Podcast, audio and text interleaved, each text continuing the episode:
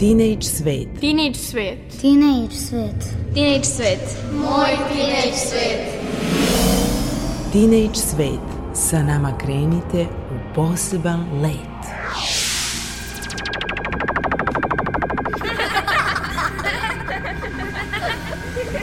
Kreativan deči svet.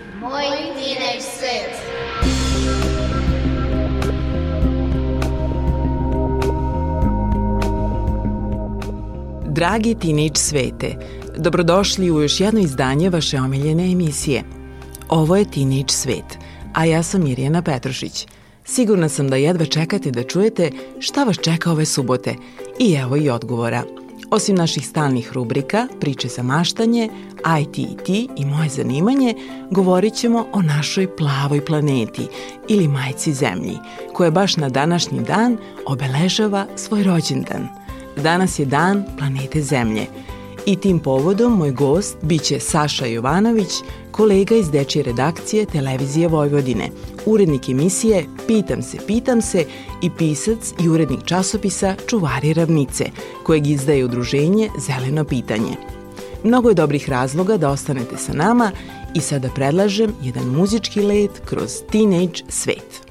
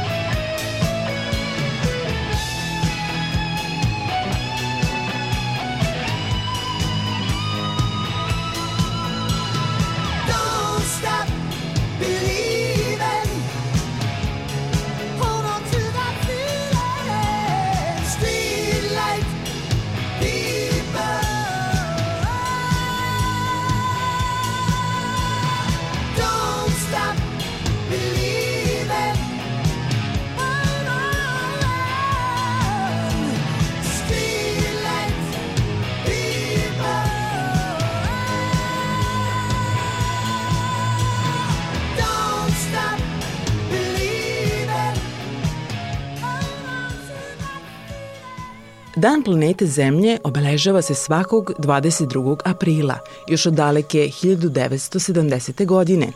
Cilj praznika je povećanje svesti ljudi o ugriženosti životne sredine i od opasnosti od klimatskih promena. Našoj planeti je sigurno potrebna pomoć i svako nemarno ponašanje prema njoj može imati svoje loše posledice. Potrudimo se da našu planetu sačuvamo, barem od smeća, jer je jednoj limenki potrebno čak 200 godina da bi se razložila u prirodi. Taj podatak sam pronašla u časopisu Čuvari ravnice, koji uređuje moj sagovornik i kolega iz dečje redakcije Radio Televizije Vojvodine, Saša Jovanović, iz udruženja Zelena pitanje, sa kojim sam razgovarala povodom dana planete Zemlje.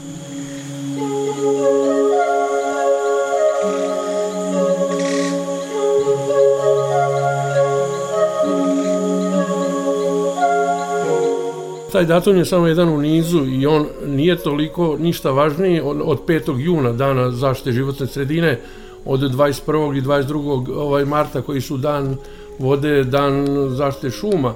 On je samo jedan povod da se setimo šta treba da radimo 365 ili 366 dana u godini. Svaki dan treba da bude dan planete Zemlje, samo što na ovaj dan malo se javnost i mediji više obrate široj populaciji. Taj dan nas podsjeća da treba svakog dana da brinemo planeti Zemlji na način da edukujemo sebe, da edukujemo našu okolinu i da dozvolimo da drugi edukuju nas. Konkretno mi ovaj, u Dečijem ekološkom časopisu Čuvari ravnice se trudimo da ta edukacija bude permanentna, konstantna i usmerena prema ovaj najmlađima. Jer smatramo da su oni najprijemčiviji da preko njih možemo doći do odraslih, do njihovih roditelja, baka, deka, ta neka nit koja kreće u predškolskim ustanovama gde se vaspitačice odlično bave sa ovaj, ovom tematikom, nastavlja se kod učiteljica, potom prelazimo na nastavnike u višim razredima osnovnih škola i u srednjim školama na profesore. Ono što bi trebali da obratimo najveću pažnju je baš na edukaciju i održavanje te edukacije sprem tinejdžera. Jer u onom trenutku kada napuštaju učiteljicu, prelaze u neki drugi svet nastavnika i profesora i koliko mi primećujemo, tu se povremeno gubi ta neka nit. Znači, trebalo bi e, da sama država, obrazovne ustanove i mi svi zajedno malo više obratimo pažnju na tu populaciju i na aktivnosti koji doprinose njihovoj edukaciji, edukacija nas odraslih i njihove okoline. To se ne postiže samo prostim skupljanjem smeća, skupljanjem otpadaka, znači jedna opšta edukacija koja e, uključuje i, kako mi kažemo, ekologiju duha.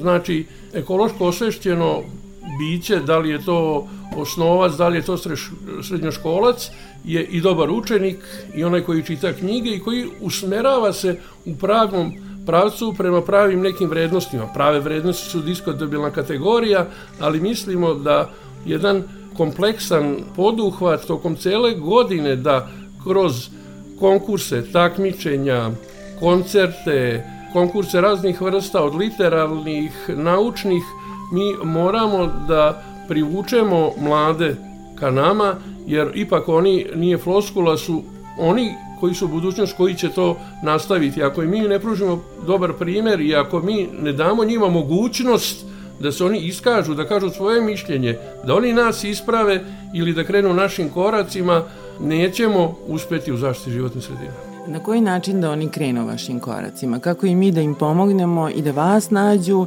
i da možda deo toga i uđe u obrazovni sistem kao obavezna edukacija? E, obrazovni sistem kao obrazovni sistem, on postoji i drži se nekih uzansi. E, za sada je to svedeno na entuzijazam ovaj, nastavnika, profesora i e, ljudi iz ekoloških udruženja, iz raznih pokrata. Imamo primere odličnih udruženja koje već decenijama funkcionišu, imamo oni koji pokušavaju, imamo udruženja koja su, što se kaže, one man show, gde sve zavisi od jedne osobe.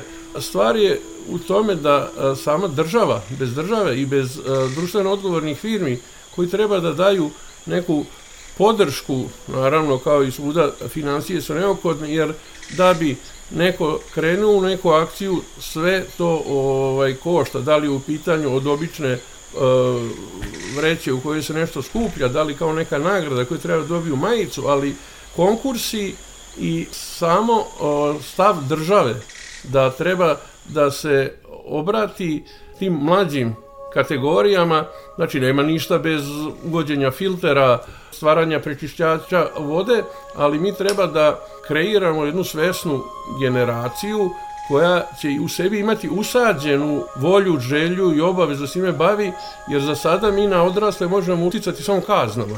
Mada smo i tu, e, što se kaže, labilni, postoje kazne, ali se ovaj ne primenjuje. Znači, prema po meni, znači svako u svojoj sredini, da li u pitanju prevashodno govorim na omladinu, znači govorim na osnovnoškolski uzrast i srednjoškolski uzrast, treba da vidi u svojoj okolini koga ima, znači to su prevashodno mediji, to su udruženja, konkretno ovde kod nas je u pitanju časopis, to je udruže, ekološko udruženje zeleno pitanje koje postoji od 2002. godine i koje ovaj ekološki časopis za decu pokušava sa manjim i većim uspehom da izdaje od 2013. Nama, znači to je web adresa www.cuvariravnice.org.rs gde ima i naša mail adresa, svaka neka ideja i neka želja za edukacijom, za pisanjem, za popularizacijom zaštiti životne sredine dobrodošla i kao ovaj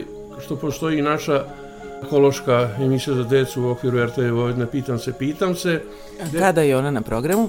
Ona je svake druge nedelje na prvom programu RTV Vojvodina negde oko 9 sati. Šta bi još tinejdžeri mogli da preduzmu i na koji način da vam se jave?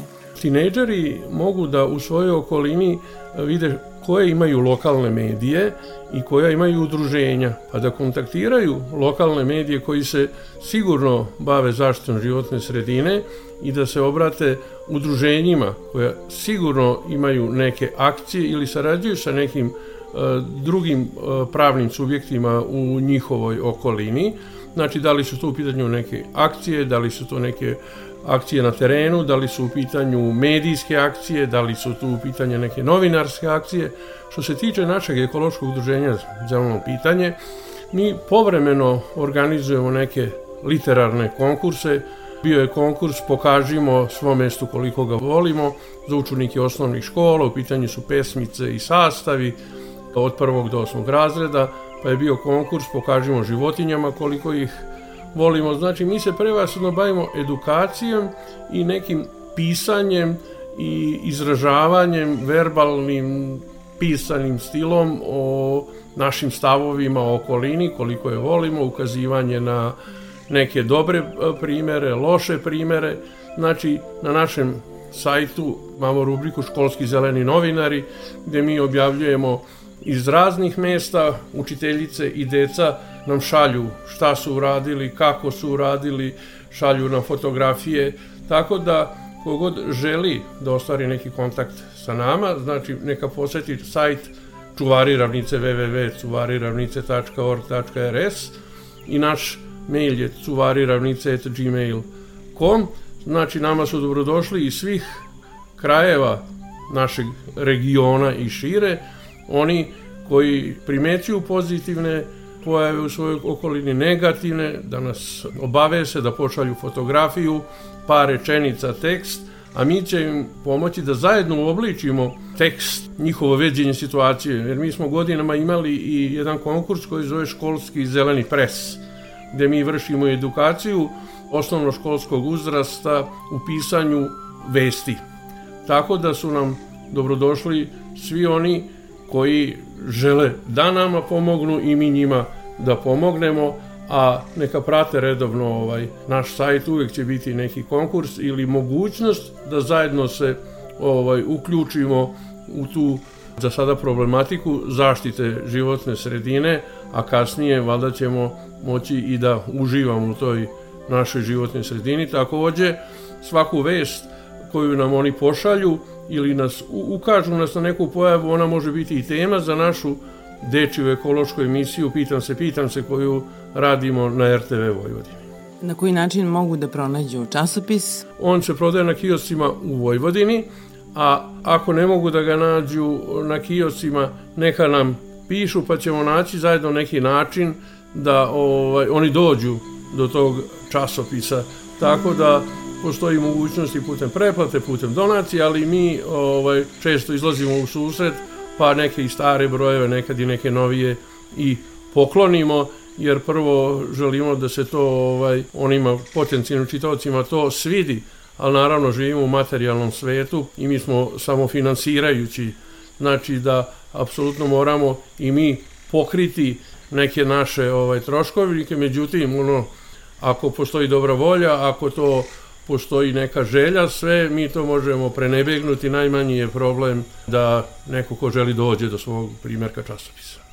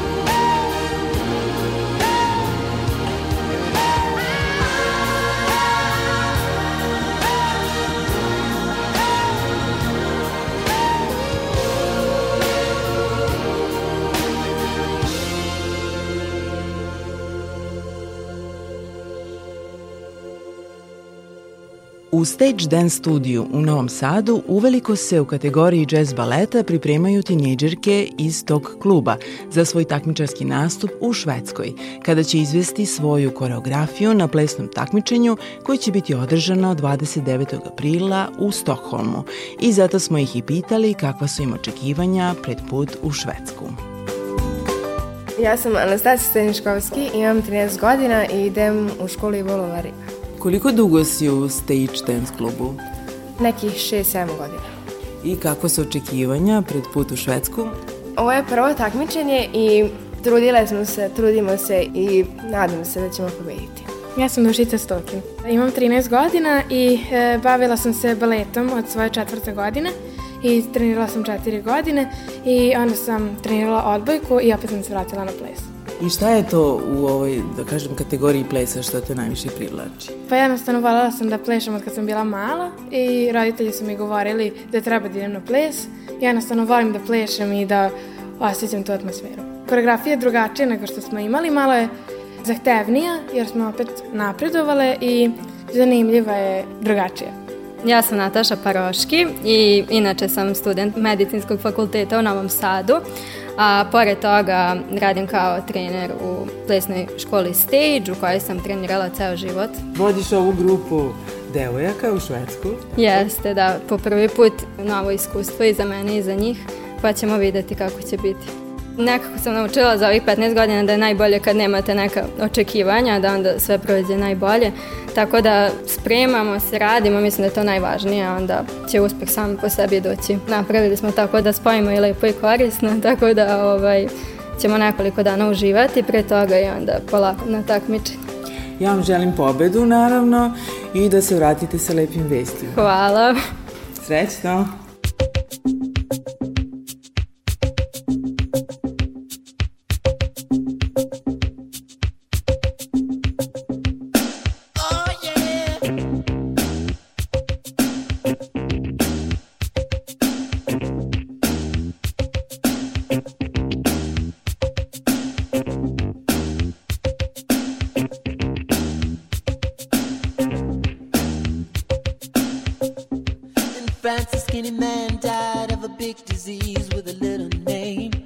By chance, his girlfriend came across a needle, and soon she did the same. At home, there are 17 year old boys, and their idea of fun is being in a gang called the Disciples High on Crack, toting a machine gun.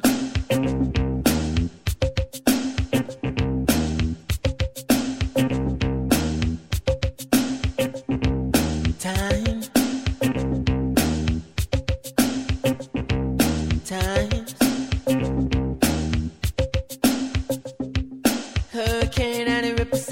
Church and kill everyone inside. You turn on the telly and every other story is telling you somebody died.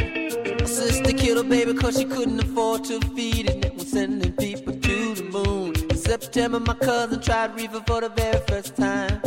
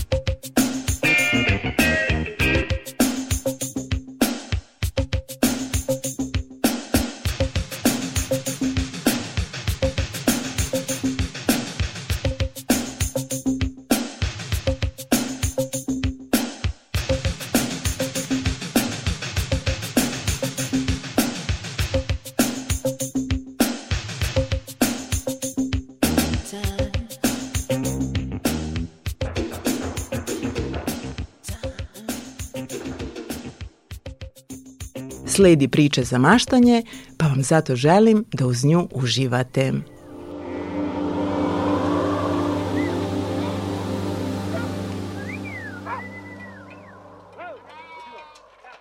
Otkud čoveku 80 godina?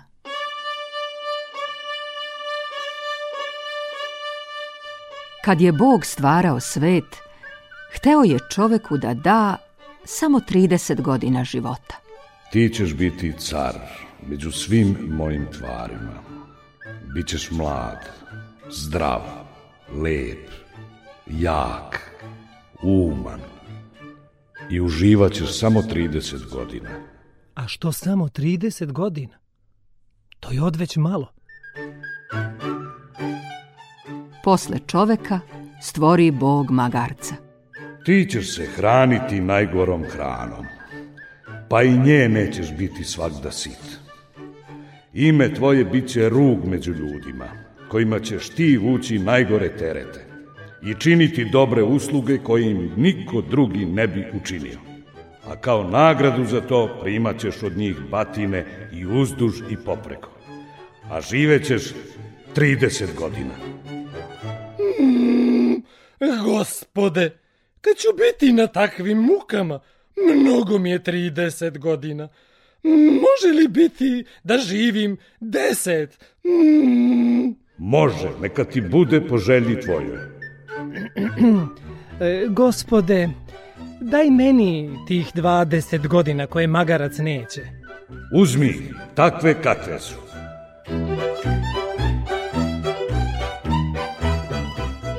Čovek se obradova u srcu svome što je stekao još 20 godina. Nakon toga stvori Bog psa. Što se god nazove tvoje, branit ćeš dok te traje. Lajaćeš na svaku opasnost čim je osjetiš, a osjećat ćeš je uvek iz daleka.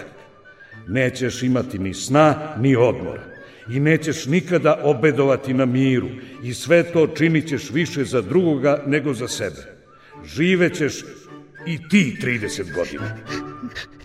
Gospode, kad mi je život tako nemiran, može li biti da, da živim samo 10 godina? Drage volje, živi 10 godina kad voliš. Gospode, daj meni tih 20 godina koje pas ne želi. Dajem ti ih onakve kakve su. I čovek se opet obradova u srcu svome, što je vek tako produžio. Najposle stvori Bog majmuna i reče mu. Ličit ćeš mnogo na čoveka, ali nećeš biti čovek, nego majmun. Puzat ćeš uz drveće i skakati s grane na granu Što vidiš da rade drugi, radit ćeš i ti. Ne znajući zašto to radiš. Živećeš i ti 30 godina. Gospode, o, takvog života meni je dosta 20 godina. 30 godina je mnogo. Neka ti bude po želji tvojoj. Gospode, daj meni tih 10 godina koje majmun neće. Dajem ti ih onakve kakve su.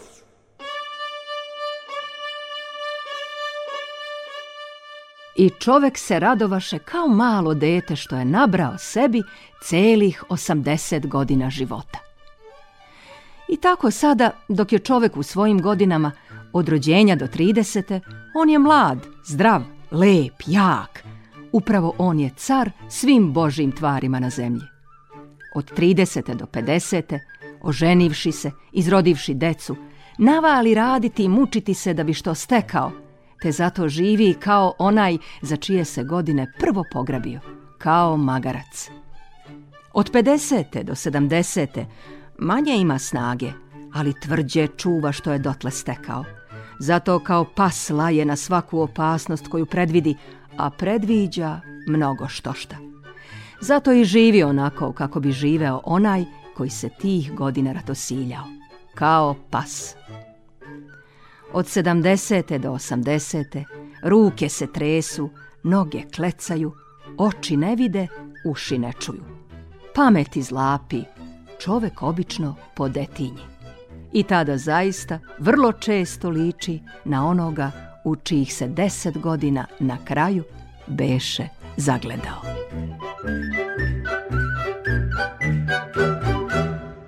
Sledi rubrika Moje zanimanje, a naš gost je bibliotekarka Katarina Novaković iz Dečjeg odeljenja Gradske biblioteke u Novom Sadu.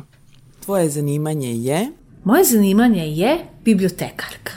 Ono što me raduje, što mogu da kažem da je to za mene lično najlepši poziv na svetu koji sam mogla da, da mi eto bude dodeljen nekako sudbinom i, i srećom. Čuveni pisac Neil Gaiman rekao je, i sad ću ovo citirati, najjednostavniji način da budemo uvereni da odgajamo pismenu decu jeste da ih naučimo da čitaju i da im pokažemo da je čitanje aktivnost koja pruža zadovoljstvo. A to je jednostavnije rečeno da im pronađemo knjige u kojima uživaju, da im damo pristup tim knjigama i puštamo ih da čitaju. E, zato ovo sam citirala upravo iz tog razloga pošto radim u biblioteci, na dečjem odeljenju Gradske biblioteke u Novom Sadu, gotovo 30 godina, smatram da su biblioteke najlepša moguća mesta za odrastanje i za uživanje.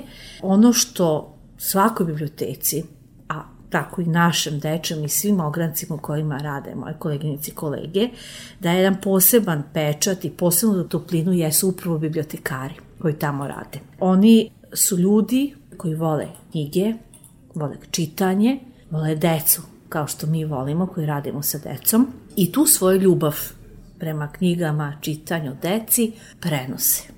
Ja uvek nas doživljavam kao jednu zaista pravu sponu, onu nit koju povezuje nekako najlepša, možda i najvažnija po meni zanimanja na ovom svetu, mi povezujemo sve one koji rade sa decom, da li su to od malih nogu vaspitači, pedagozi, psiholozi, učitelji, nastavni kadar u školama, ljudi koji na nekim drugim mestima kao vi što radite u medijima, koji snimate ili pravite emisije za decu i deči program, za mlade, za decu. Znači, mi nekako sve te ljude na neki način okupljamo, povezujemo, umrežavamo, i ono što je najlepše činimo na neki način, nadam se, detinstva i ovaj svet bolje. Ono što će tinejdžere sigurno zanimati posle ove priče je kako se to postaje bibliotekar. Koju školu treba da završi? um, ovako, nisam znala kada sam kao devojčica u osnovnoj školi, Petef Šavdar, odmore provodila u školskoj biblioteci sa bibliotekarkom i slagala knjige i izdavala knjige na one kartice, nisam sanjala da, da ću se jednog dana baviti upravo tim zanimanjem. ono što je interesantno, što je to, što je to tako bilo, drugo, od malih nogu, ne mora to da bude pravilo, ali ja sam obožavala da čitam. Najlepši poklon za svaku novu godinu, od Deda Mraza ili za rođendan, bila je upravo jedna hrpa odabranih knjiga, za mene samo. Znači, to su bili paketi i paketići knjiga, a najveća radost je bila kada je postoje jedan putujući trgovac koji prodavao knjige, znači kad se on najavi da će doći na našu adresu, tada ulicu Pa Pavla, to je bila opšta radost. Znači znala sam da ću tada dobiti ovaj, mogućnost da izaberem ogroman broj knjiga koje ću čitati u nekom narednom periodu. Imala sam ogromnu i dan danas imam kućnu biblioteku. To je neka, neki početak. Dakle, prvo računam da je neko ko voli knjige, voli da ih dotiče, da ih lista, da čita, da kroz njih mašta, putuje, razvija razne sposobnosti, uključujući ovaj, naravno proširenje rečnika. Lako mi je bilo da pišem sastave sebi i drugima i to je tako i ostalo. Zatim pisala sam naravno književnost i završila naš filozofski fakultet u Novom Sadu za književnost i jezik i sticam okolnosti stigla sam do gradske biblioteke na Sadu u kojoj sam pozemljivala knjige još kao dete, kao tinđerka sam najveći broj knjiga koje sam donosila i naslov upravo je bio iz Unaske broj 1 i eto sticam okolnosti ovaj, kao student, ono prva šansa posle studija, došla sam na prve radne dane u biblioteku. Za bibliotekarstvo je značajno se zna da postoje baš fakulteti koji obrazuju upravo buduće bibliotekare. Katedre postoje za sada u Beogradu na Filološkom fakultetu i katedra u Somboru. Koliko ja znam, to su sad aktivne dve katedre za one koji baš žele da se upišu direktno na bibliotekarstvo sa informatikom, znači to je sve ovaj, povezano, a i svi koji radimo u ovoj struci imamo dodatno mnogo učenja edukacije, neprestano nešto učimo i interesantno je da recimo svi mi polažemo kao što postoji u obrazovnom sistemu, mi polažemo posebno stručni ispit i tako dalje. Dakle, mi zaista nikad ne prestajemo, nismo nikada pročitali sve knjige i to je nemoguće. To je, mislim, jedna mala tužna priča, da ne možemo pročitati sve što želimo, ali ovaj, biramo šta bi mogli svega toga što će nam, što će nam doneti radost ili ne, neku korist ili što bi ja rekla dobrobit za nas u bilo kom smislu, nešto što nam je interesantno u tom trenutku, jer ono što isto važno znati, oni koji su u svakodnevnom kontaktu sa korisnicima e, se trude da im bude u biblioteci ko prijatno, da, da razgovaraju sa korisnicima, posebno sa decom i mladima, da se sa njima šalimo i tako dalje, ali e, biblioteke su, to sam zaboravila da kažem, komunikacijsko mesto, da svi oni koji dolaze, osim da, mislim, nije tu samo pozivljivanje knjiga, tu je pre da uče, da stiču znanja, ali da se druže, da zajednički stvaraju, da budu kreativna. Sva ona deca koja u biblioteku razvijaju različite sposobnosti, uključujući i socijalne koje su danas sve u lošijem stanju. Sve je jasno da se sve manje druže mladi, a biblioteka su jednostavno mesta na kojima se mogu i sresti i družiti, i razgovarati i zajednički stvarati i biti kreativni.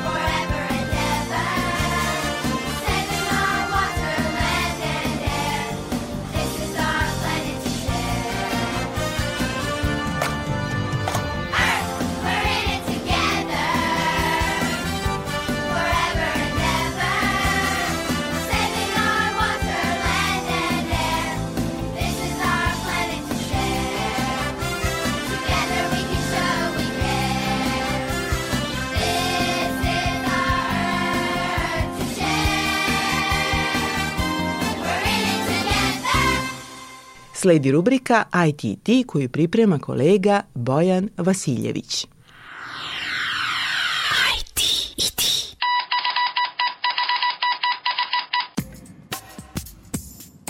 Kada je nastao spam?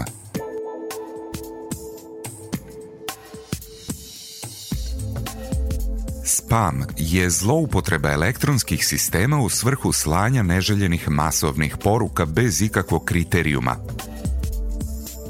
Najčešći oblik spama jeste e-mail spam, ali se termin primenjuje i na slične zloupotrebe drugih medija, kao što su chat spam, spamovanje putem web pretraživača, blog spam, SMS spam, forum spam, spam na društvenim mrežama, televizijski spam i drugi.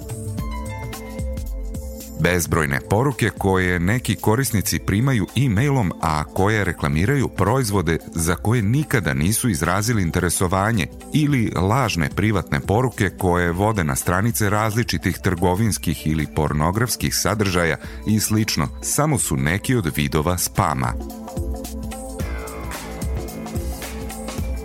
Jedan od prvih poznatih primjera i svojevrsna preteča spama je događaj iz maja 1864. godine kada je putem telegrafske mreže poznate američke kompanije za transfer novca pojedinim britanskim političarima poslat nenaručen telegram koji je sadržao reklamu za stomatološke usluge.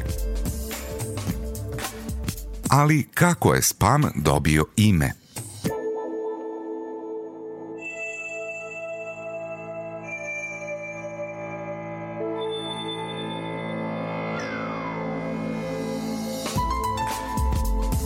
Spam je zapravo ime robne marke mesnog nareska, koji se od 1937. godine proizvodi u Sjedinjenim državama.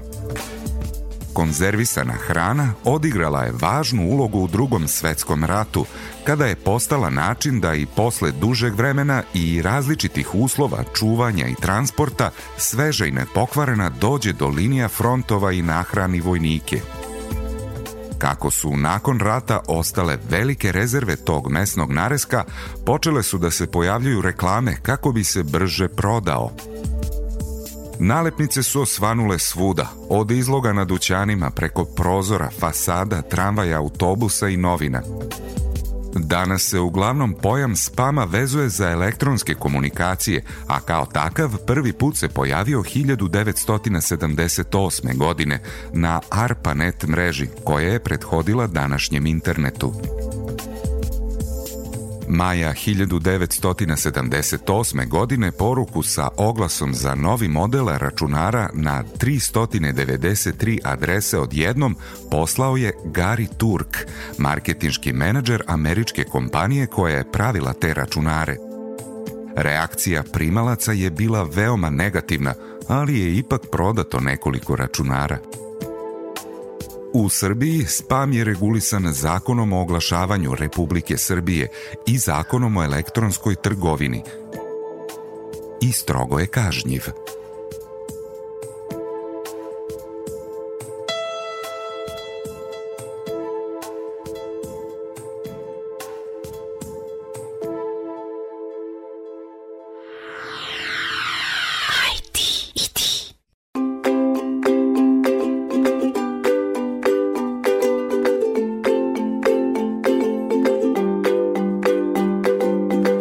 Poštovani slušalci i dragi tinejdžeri, hvala vam što ste bili sa nama i ove subote. Ovu emisiju, kao i sve prethodne, možete čuti na sajtu rtv.rs. Emisiju su realizovali muzička urednica Maja Tomas, ton majstor Damjan Šaš i autorka emisije Mirjana Petrušić koja vas od srca pozdravlja i želi vam nasmijan dan. Srdačan pozdrav i do slušanja!